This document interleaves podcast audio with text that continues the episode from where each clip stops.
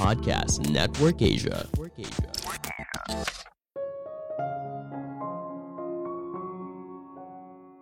Menjadi pemimpin itu bukan soal jabatan, tapi bagaimana cara kamu pengaruhi orang di sekitar. Halo semuanya, nama saya Michael. Selamat datang di podcast saya, Sikutu Buku. Kali ini saya akan bahas buku 360 Degree Leader karya John C. Maxwell.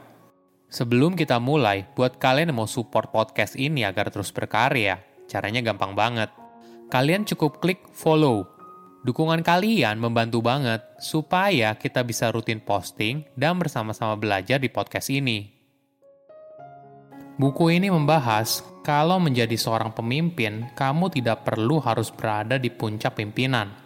Seorang pemimpin harus bisa memimpin orang lain, tidak hanya orang yang jabatannya di bawah dirinya, tapi juga orang yang jabatannya di atas atau setara dengan dirinya. Ini mindset yang harus dimiliki setiap pemimpin kalau leadership itu soal pilihan yang mereka ambil, bukan apa jabatannya. Leadership itu adalah soal meningkatkan pengaruh yang kamu miliki. Kamu mungkin saja memiliki jabatan yang tinggi, tapi jika kamu harus menggunakan jabatan kamu untuk mengaruhi orang lain, berarti ada yang salah dengan keahlianmu dalam memimpin. Saya merangkumnya menjadi tiga hal penting dari buku ini. Pertama, mitos seorang pemimpin. Kebanyakan orang punya pandangan yang kurang tepat soal pemimpin. Mereka punya pandangan kalau sudah menjadi pemimpin, maka hidup akan menjadi lebih santai dan menikmati kekuasaan yang besar. Ternyata menjadi seorang pemimpin itu tidak semudah yang kita bayangkan. Seorang pemimpin itu memikul banyak tanggung jawab dan dampaknya kebebasannya juga semakin sedikit. Tentu saja pemimpin dibayar lebih mahal, namun boleh dibilang, hal itu sebanding dengan beban kerja dan tanggung jawab yang harus dipikul. Jika kamu ingin menjadi pemimpin agar bisa hidup santai dan tinggal menyuruh orang lain, sepertinya ada yang salah dengan pemikiranmu soal pemimpin. Penulis menjelaskan berbagai mitos seorang pemimpin. Mitos pertama yaitu the position myth. Mitos ini berdasarkan kepercayaan kalau seseorang baru bisa dianggap sebagai pemimpin apabila memiliki jabatan yang tinggi. Kenyataannya, kamu tidak perlu harus memiliki jabatan tertentu untuk bisa mempengaruhi orang lain dan menjadi pemimpin yang sukses. Orang yang memiliki mitos ini biasanya menunggu dirinya hingga mencapai posisi senior sehingga dia bisa menggunakan jabatan untuk mempengaruhi orang lain. Metode ini hanya akan buat orang lain mengikuti kamu karena jabatan yang kamu miliki, bukan karena keahlianmu dalam memimpin. Mitos kedua adalah destination myth Mitos ini berdasarkan kepercayaan kalau seorang baru belajar memimpin ketika memiliki jabatan tertentu. Ketika saya menjadi pemimpin, saya nanti baru belajar bagaimana mempengaruhi orang lain dengan positif. Ini pemikiran yang kurang tepat. Menjadi seorang pemimpin yang hebat adalah sebuah perjalanan. Jangan sampai ketika kamu diberikan kesempatan untuk memimpin, kamu malah tidak siap. Penulis bercerita tentang seorang bernama Charlie dia merupakan pelari dan sudah terbiasa mengikuti perlombaan lari 10 km. Suatu hari, dia memutuskan untuk mendaftar maraton dan melakukan latihan yang sangat ketat, mulai dari memperhatikan rute perlombaan, latihan fisik untuk menjalani maraton, hingga mencari teman yang sudah pernah ikut lari maraton. Walaupun Charlie belum pernah mengikuti maraton sebelumnya, latihan ketat ini mampu mempersiapkan fisik dan mental hingga akhirnya dia berhasil menyelesaikan perlombaan. Kepemimpinan sama seperti itu. Jika kamu ingin sukses menjadi seorang pemimpin, maka kamu harus pelajari sebanyak mungkin soal kepemimpinan sebelum dipercaya menjadi pemimpin. Memang betul, untuk menjadi pemimpin yang hebat, kamu butuh pengalaman. Tapi jangan jadikan alasan kalau kamu belum berada di jabatan tertentu, oleh karena itu, kamu tidak bisa belajar menjadi seorang pemimpin. Mitos ketiga, orang lain akan mengikuti saya apabila saya berada di posisi tertentu kamu mungkin bisa diberikan kesempatan untuk duduk di jabatan tertentu, namun kamu tidak bisa mendapatkan kepemimpinan yang sejati. Semua hal ini tergantung seberapa hebat kamu memimpin.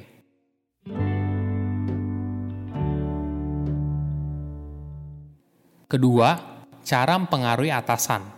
Bagi kebanyakan orang, mungkin ide kalau kita bisa memimpin ke atas itu tidak masuk akal Kok bisa kita yang jabatannya lebih rendah tapi bisa memimpin ke atas?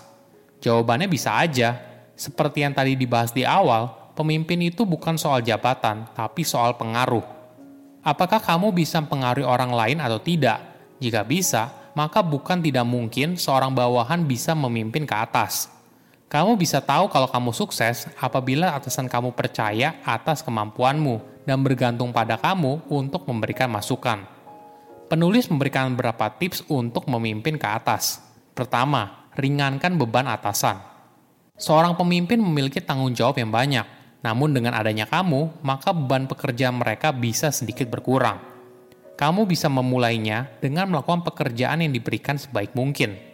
Ini adalah modal awal, kamu harus bisa dianggap sebagai karyawan yang kompeten. Kedua, jangan cuma bawa masalah.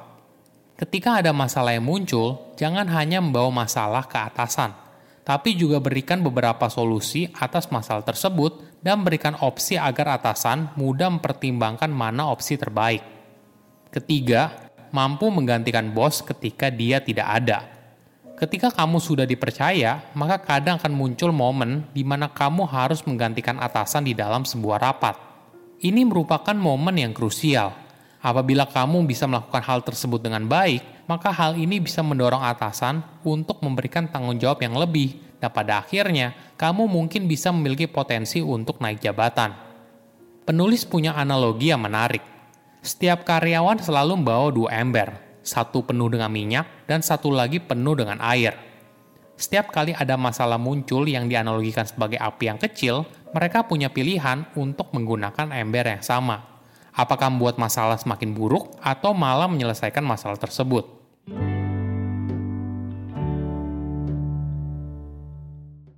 Ketiga, cara mempengaruhi rekan kerja. Tadi kita sudah belajar bagaimana cara memimpin ke atas. Sekarang saya akan membahas soal memimpin ke samping. Ingat, kepemimpinan itu adalah soal pengaruh. Nah, kita bisa meningkatkan pengaruh dengan rekan yang memiliki tingkat yang sama. Daripada kita bersaing tidak sehat dengan rekan dalam jabatan yang setara, jauh lebih baik apabila kita berkolaborasi. Dalam bekerja, mungkin kamu tidak terpikir untuk mencari teman. Tentu saja, kamu bekerja untuk mencari uang, bukan mencari teman. Namun, memiliki hubungan pertemanan yang baik dengan rekan kerja dapat meningkatkan performa kamu dalam bekerja. Kamu dapat mempengaruhi orang lain apabila kamu punya hubungan yang baik dengan mereka. Pengaruh berasal dari hubungan yang kuat dan positif. Bagaimana caranya? Pertama, dengarkan. Ini merupakan tahap awal untuk membangun hubungan yang baik pada dasarnya, setiap orang ingin mengerti orang lain dan dimengerti. Cobalah menjadi pendengar yang baik dan berusaha memahami orang lain. Pertemanan biasanya dimulai dari mencari kesamaan, misalnya berasal dari kota yang sama, hobi yang sama, dan sebagainya. Namun di tempat kerja, hubungan pertemanan biasanya cukup dangkal. Butuh usaha kedua belah pihak untuk saling mengenal satu sama lain hingga akhirnya pertemanan tersebut bisa semakin dekat ada tips yang cukup penting. Sebisa mungkin hindari gosip kantor. Tentu saja gosip merupakan informasi yang menarik. Namun perlu disadari kalau hal ini sangat beracun bagi semua pihak. Orang yang digosipin, si penggosip, dan pendengar gosip. Orang yang biasa bergosip dengan kamu, biasanya dia juga akan bergosip tentang dirimu ketika kamu tidak ada.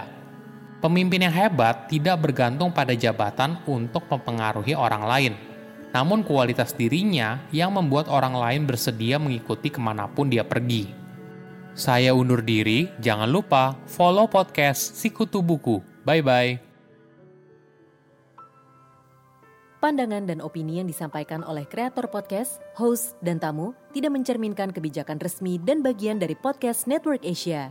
Setiap konten yang disampaikan mereka di dalam podcast adalah opini mereka sendiri dan tidak bermaksud untuk merugikan agama, grup etnik, perkumpulan, organisasi, perusahaan, perorangan, atau siapa pun dan apa pun.